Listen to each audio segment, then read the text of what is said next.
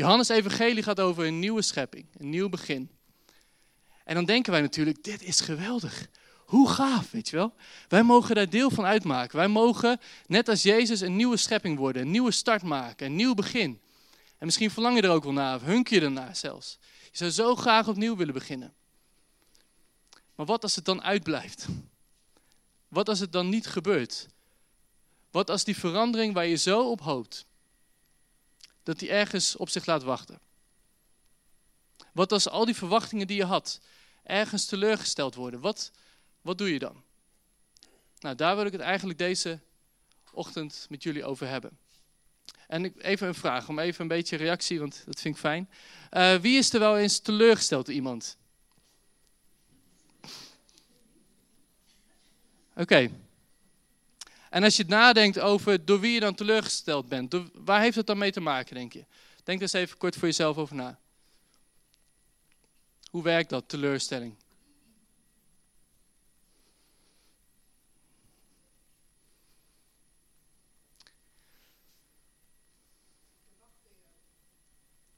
Absoluut. Ja.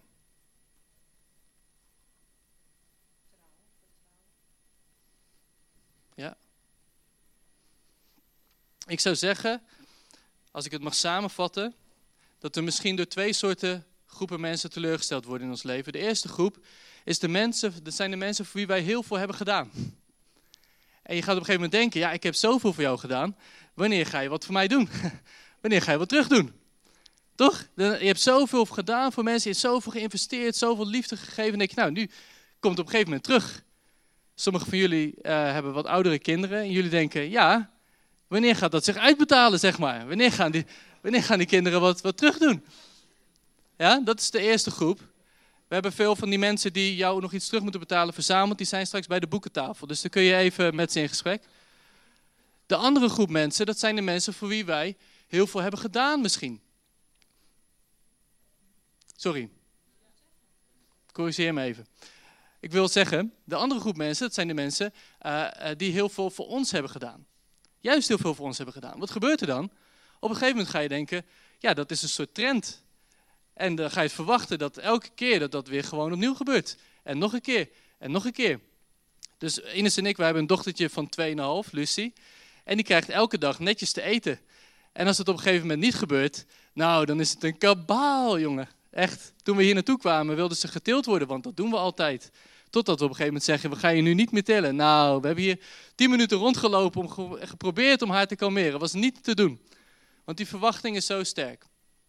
Nou moet je je voorstellen, en dit is misschien lastig te verkroppen, maar met Jezus is dat natuurlijk allebei zo. En dat maakt dat onze relatie met Jezus soms zo ingewikkeld is. En ergens zo gekleurd kan raken door teleurstelling. Want we geven natuurlijk alles aan Jezus. Toch? We geven ons leven aan Jezus, onze aandacht, onze tijd. We zitten hier bij elkaar, we komen bij elkaar om Hem te zoeken, om Hem te aanbidden. We geven zoveel aan Hem. Dus dan ga je op een gegeven moment denken, wanneer, komt, wanneer, wanneer kom je over de... Hè, wanneer kom je terug met datgene wat ik verlang, waar ik op hoop, waar ik naar zoek? En tegelijkertijd, we kennen Jezus natuurlijk niet anders dan iemand die zoveel geeft. Die alleen maar geeft, zichzelf heeft weggegeven aan het kruis. Dus dan ga je toch denken, hey, de verwachtingen die ik heb over wat Jezus zou moeten doen, dat gaat hij dan toch ook gewoon doen? Want hij geeft alles. Voortdurend, zichzelf.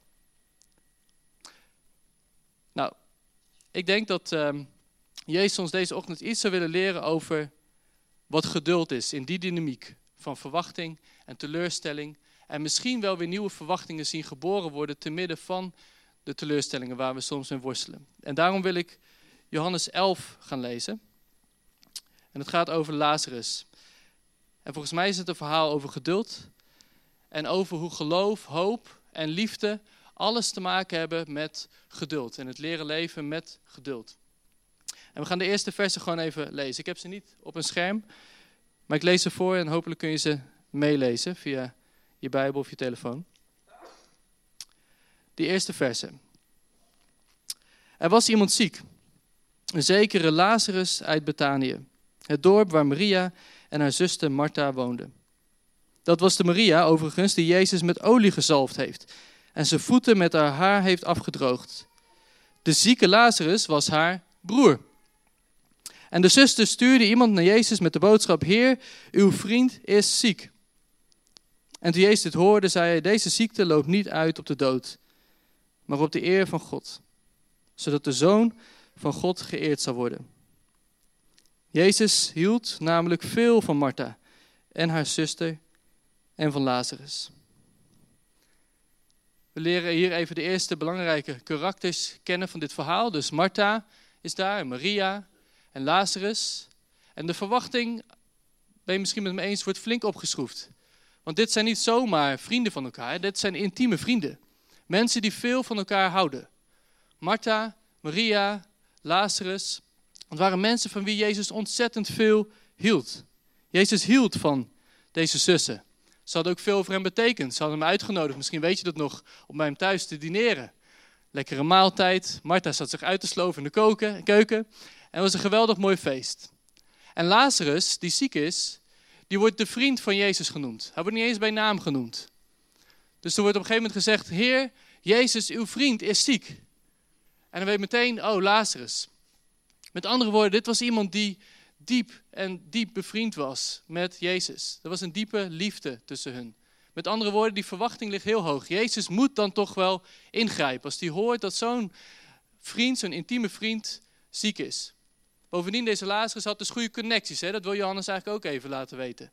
Alsof hij vriendjes had in de politiek. Of op goede plekken in het bedrijfsleven. Had goede connecties. Namelijk die zussen. Die hadden een goede relatie met Jezus. Die hebben veel voor hem betekend. Dus het moet goed komen. Dus we lezen natuurlijk in vers 6 dan vervolgens. Nou, Jezus hoorde dat nieuws. Hij ging naar Lazarus toe, genas hem. En met een hele groep vrienden gingen ze nog even picknicken. het was super gezellig. Toch? Nee, jullie lezen mee of niet? Of, uh, klopt niet, hè? Oké. Je mag reageren. Sommige mensen kijken me aan van, wat doet hij nou? Komt goed. Let op, wat staat er namelijk in vers 6? Maar toen hij gehoord had dat Lazarus ziek was, bleef hij bleef hij toch nog twee dagen waar hij was. Bizar. Wat verwarrend.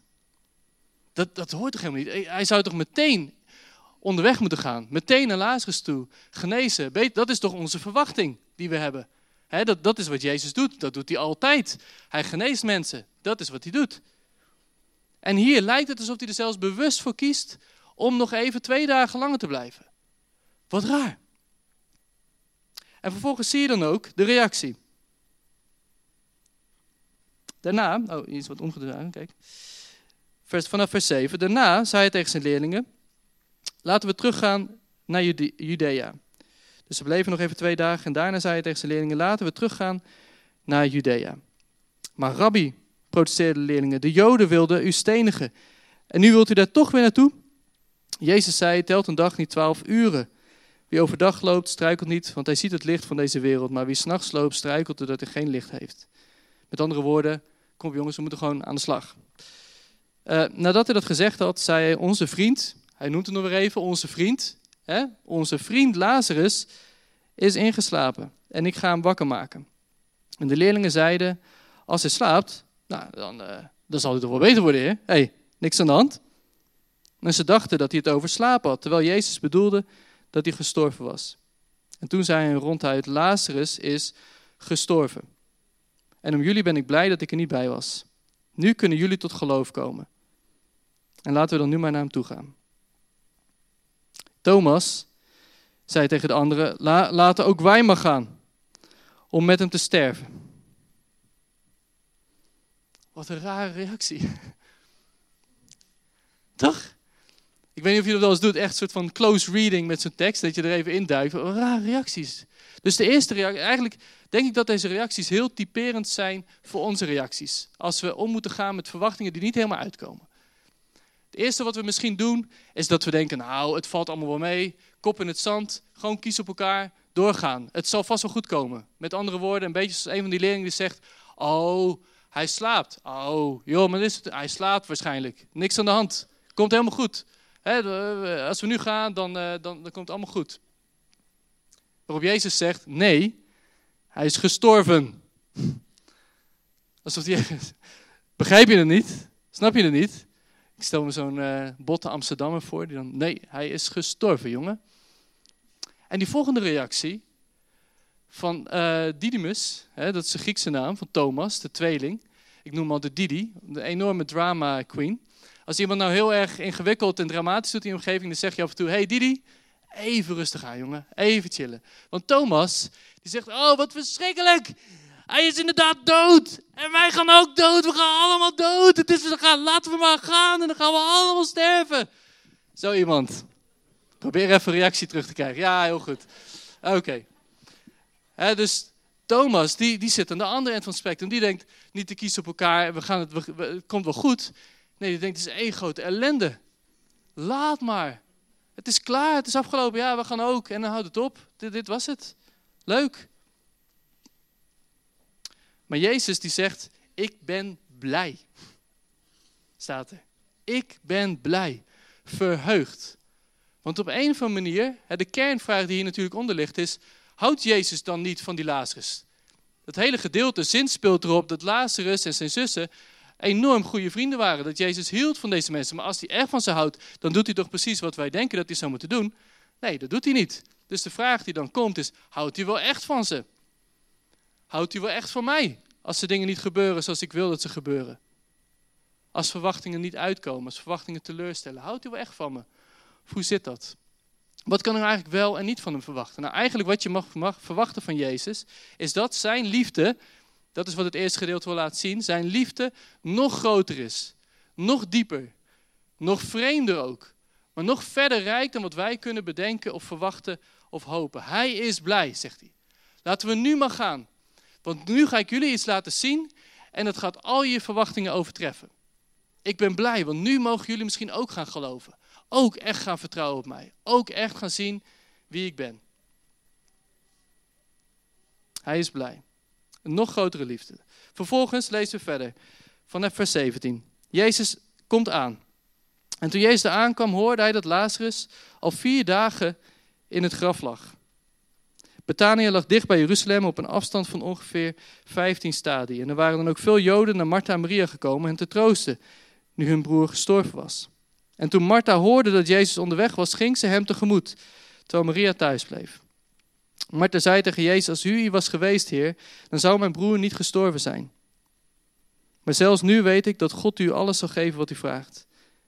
En Jezus zei, je broer zal uit de dood opstaan. Ja, zei Martha, ik weet dat hij bij de opstanding op de laatste dag zal opstaan.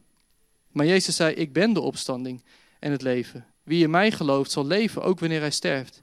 En ieder die leeft en in mij gelooft zal nooit sterven. Geloof je dat? Ja, heer, zei ze.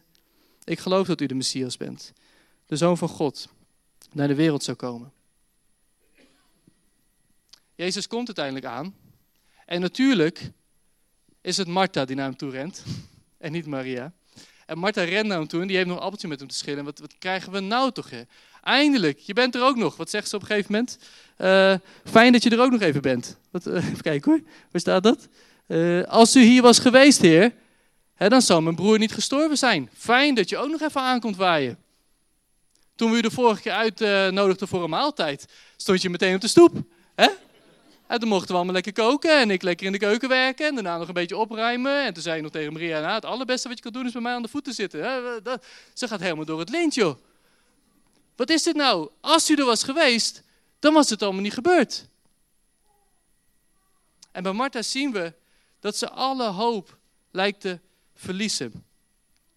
En dit is heel kenmerkend voor als we omgaan met verwachtingen die teleurgesteld worden. We gaan of in het verleden hangen, met alle verdriet daar, of in een toekomst die we toch niet kunnen controleren. En dat zie je precies bij Martha gebeuren.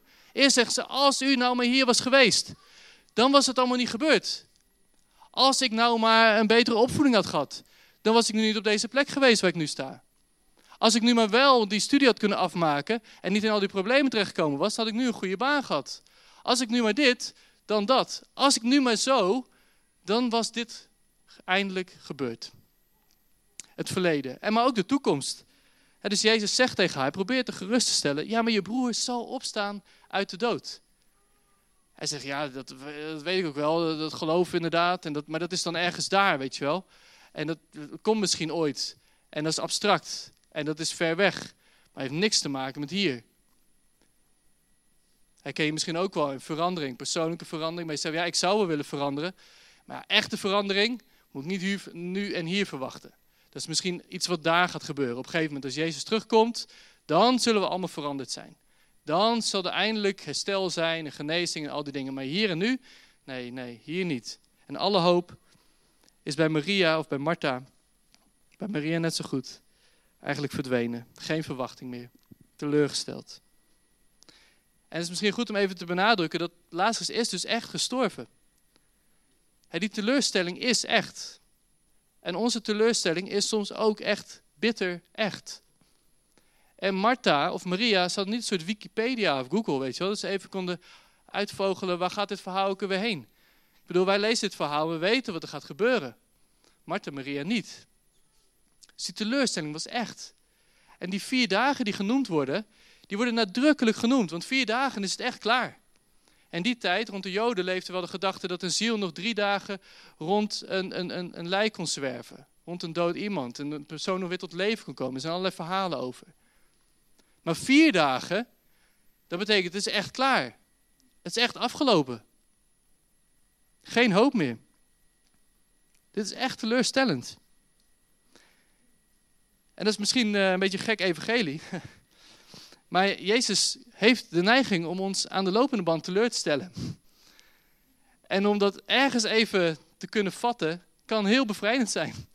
En heel onnuchterend op een goede manier. Want dat doet hij voortdurend. Zijn geboorte was niet in een soort mooi paleis zoals de koning geboren zou moeten worden. Nee, ergens een of andere kribbe. Met een soort uh, ja, uh, onwettige zwangerschap, maagdelijke geboorte, tienermoeder. Echt een bizarre situatie. Niet zoals mensen hadden verwacht. En Jezus die dan vervolgens als rabbi optreedt, die begint in één keer allemaal gekke dingen te doen. Zoals zonde vergeven, mensen te genezen. En, en, nee, dat was niet de verwachting. Je bent gewoon een rabbi, je vertelt gewoon mooie verhalen. En dat is het.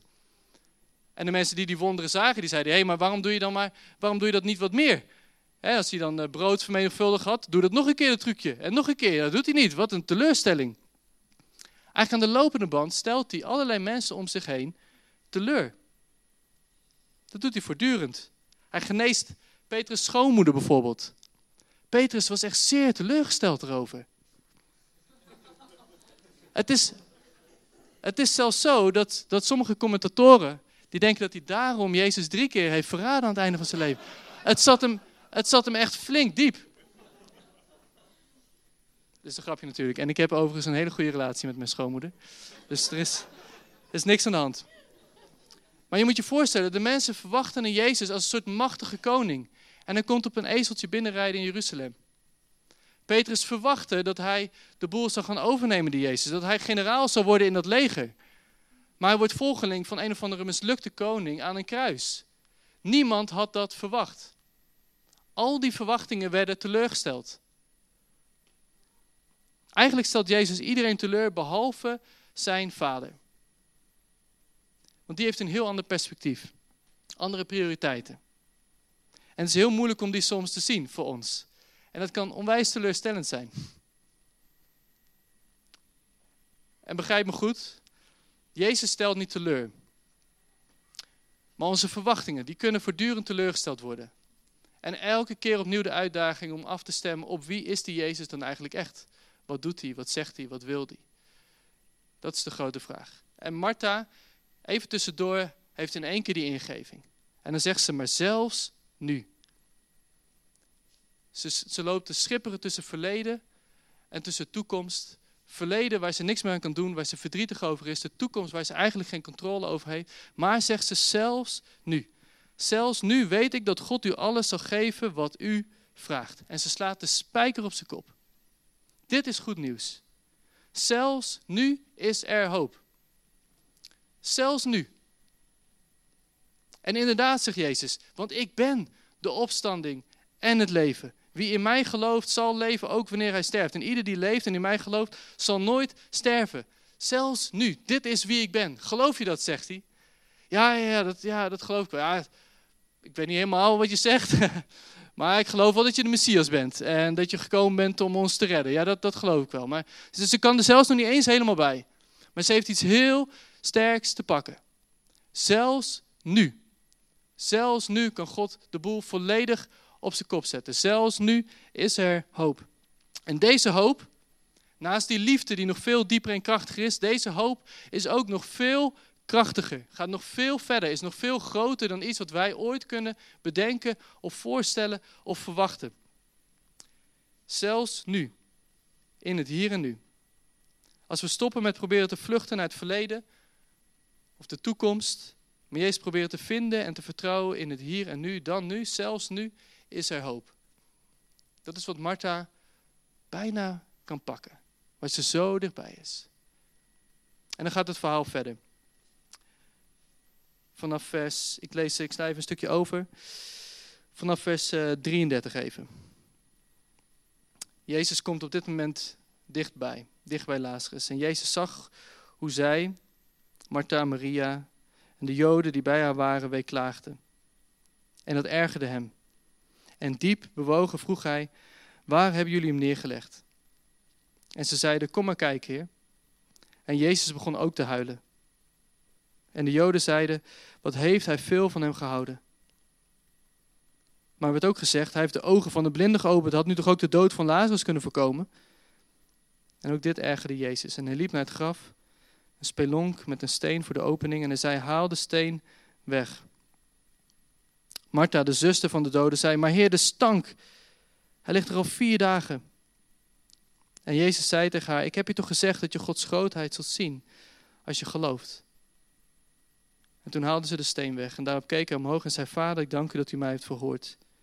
U verhoort mij altijd, dat weet ik, maar ik zeg dit ter wille van al die mensen hier, opdat ze zullen geloven dat u mij gezonden hebt. En daarna riep hij, Lazarus, kom naar buiten.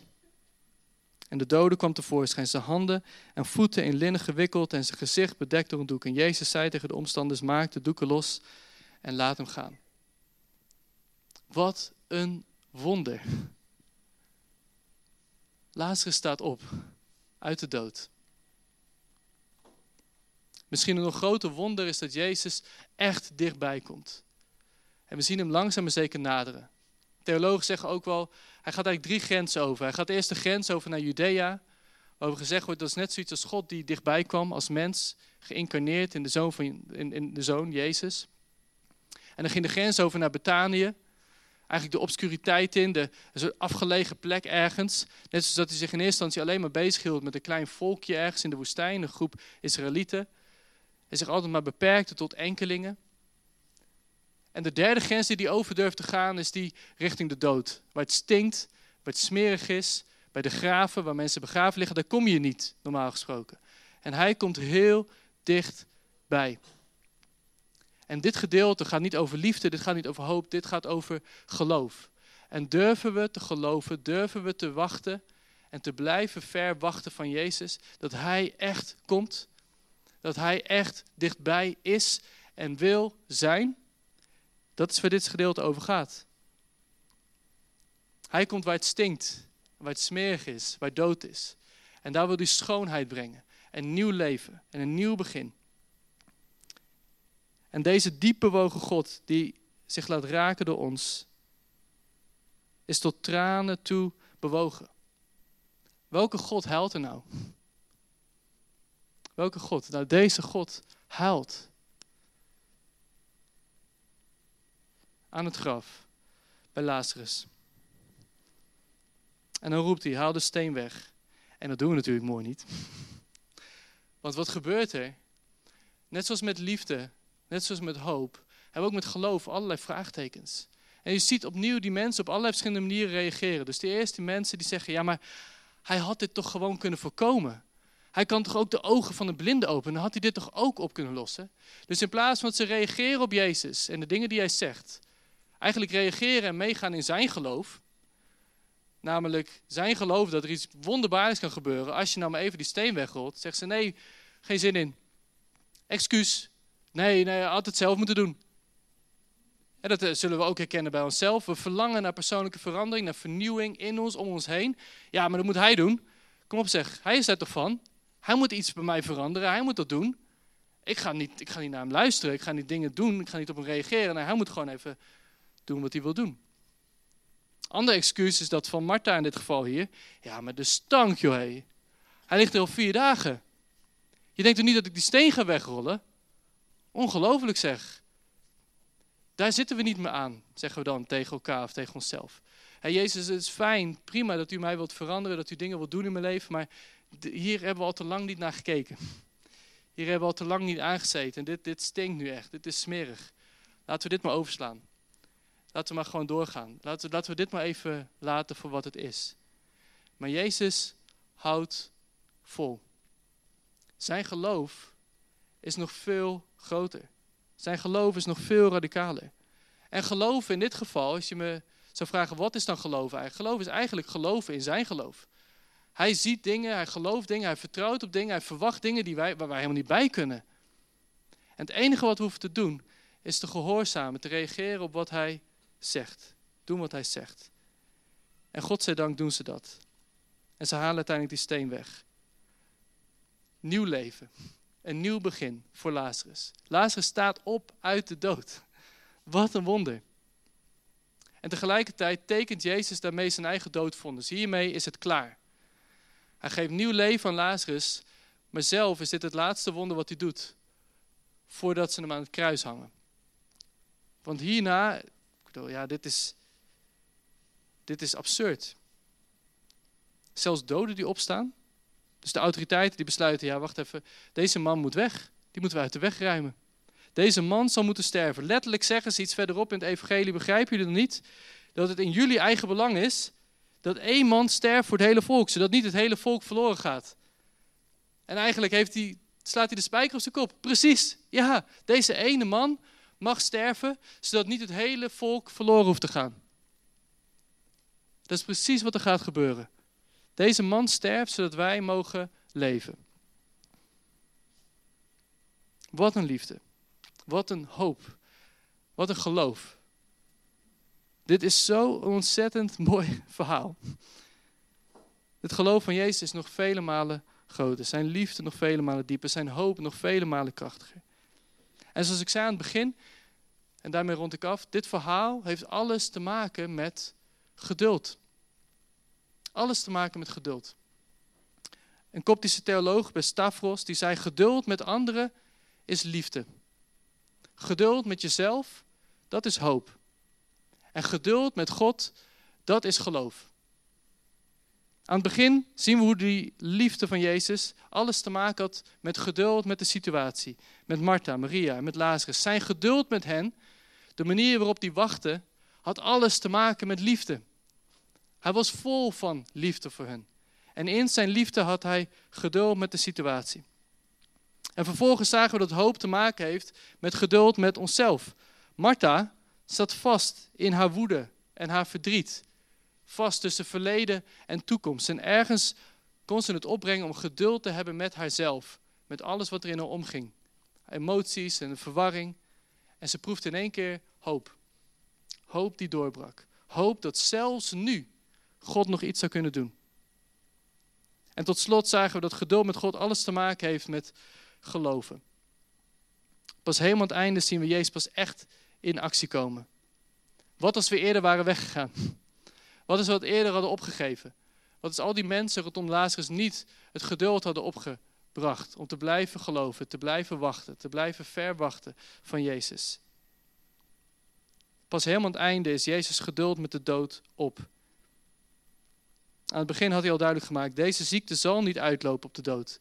Het is klaar met de dood. Ons geloof heeft alles te maken met geduld hebben met God. Wacht op Hem. Je zou kunnen zeggen dat de kernboodschap van deze tekst het volgende is. Jezus stelt soms onze verwachtingen teleur. Omdat hij deze verwachtingen wil overtreffen. En dat bedoel ik niet als een soort goedkoop antwoord als een theodicee, een soort verklaring van hoe dan dingen lopen zoals ze lopen. Maar dit gaat over een pastorale, radicale, alternatieve weg vooruit. Soms snappen we niet waarom de dingen gebeuren zoals ze gebeuren. En soms is het zo dat Jezus letterlijk onze verwachtingen teleurstelt, zodat hij ze kan overtreffen. Waarom? Omdat hij zich niet wil laten vangen door onze verwachtingen, door onze ideeën over hem. Hij wil laten zien dat zijn geloof nog groter is, zijn liefde nog dieper, zijn hoop nog groter. En ons meenemen in dat verhaal. Daar gaat deze tekst over. En daarom heeft de Oosterse kerk Oost-Orthodoxe Kerk een eigen feestdag rondom Lazarus bedacht. Op zaterdag. Een opstandingsfeest op zaterdag. Dat kan helemaal niet. Opstanding vieren we op zondagen. Maar de Lazarus feestdag vieren we op zaterdag. Met koekjes en caviar erbij. En waarom caviar? Ja, we kunnen geen paaseieren doen. Want dat is voor als Jezus opstaat uit de dood. Maar we doen andere eitjes. Die van een vis. We doen de caviar bij. Maar we moeten op een of andere manier vieren dat Jezus de dood bij zijn strot heeft. En de dood heeft overwonnen. En die hoop en het geloof en die liefde naar hier haalt. Naar hier wil halen. De opstanding kan niet wachten op Pasen. Lazarus wordt gevierd voordat het paasfeest gevierd wordt. Met, met andere woorden, we halen de, de opstanding, de kracht en die hoop en het nieuwe begin halen we alvast even naar deze zaterdag. Op een dag waar je het eigenlijk helemaal niet zou moeten vieren. Op een moment dat het eigenlijk helemaal niet kan. Maar we zeggen alvast, dit is onze hoop. Dit is ons geloof.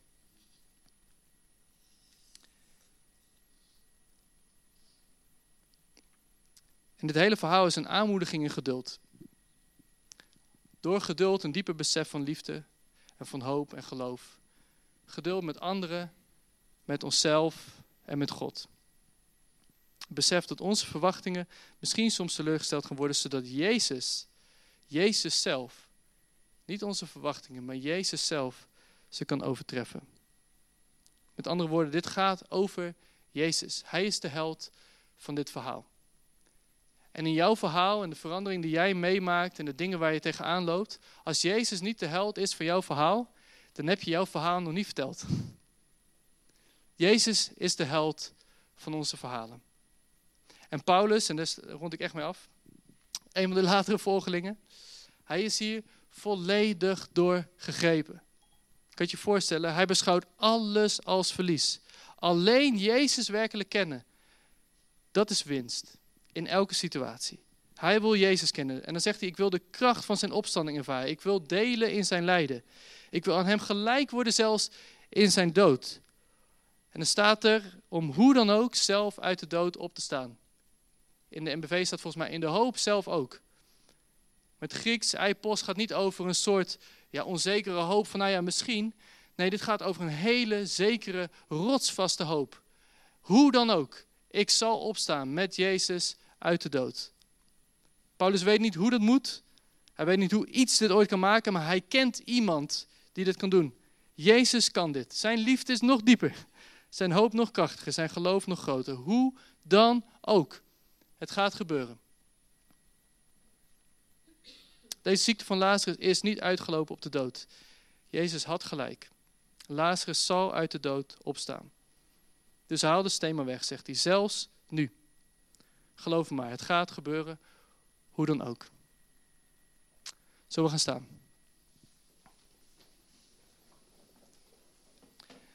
Ik zou je willen vragen, en eh, Pieter en uh, Nathalie mogen naar voren komen. Ik zou je willen vragen deze ochtend wie of wat jouw Lazarus is op dit moment. Welke verandering wil je zo graag zien in je eigen leven of om je heen? Of welke verwachting is zo teleurgesteld bij je? Zo diep teleurgesteld? Wie of wat is jouw Lazarus? En hoe zou het eruit zien voor jou om in deze situatie te groeien in geduld, in geloof en in hoop en in liefde? Om het te blijven verwachten van Jezus.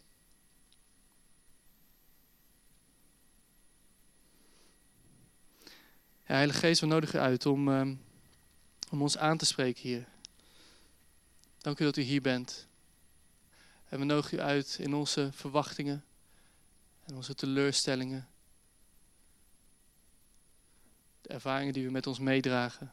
Misschien pijn en verdriet. En we danken u dat u altijd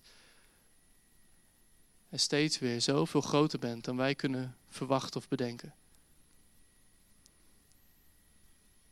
En dat u soms al die verwachtingen die we hebben weer teleurstelt om ze te kunnen overtreffen. Om iets nieuws te doen. Nieuwe schepping, nieuw begin, nieuw, begin, nieuw leven. Wilt u opnieuw de held worden van ons verhaal? Wilt u ons ontmoeten op deze plek?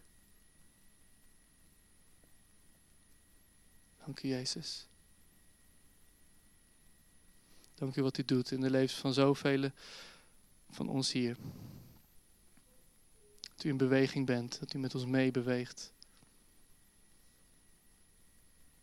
Heer, verras ons opnieuw. Doe het onmogelijke, doe het onverwachte. Open onze ogen, vergroot onze hoop, ons geloof en maak ons opnieuw uh, onder de indruk, breng ons opnieuw onder de indruk van uw liefde.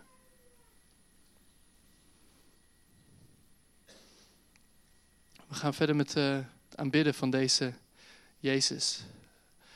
En uh, met dat we dat doen, wil ik je vragen om bij jezelf stil te staan van waar zou ik Jezus in willen ontmoeten op de, deze dag, op dit moment. Waar zou ik hem willen uitnodigen? Waar heb ik geloof nodig of hoop of liefde? En we willen dolgraag met en voor je bidden, hier aan de zijkant. Um, laten we bidden en aanbidden.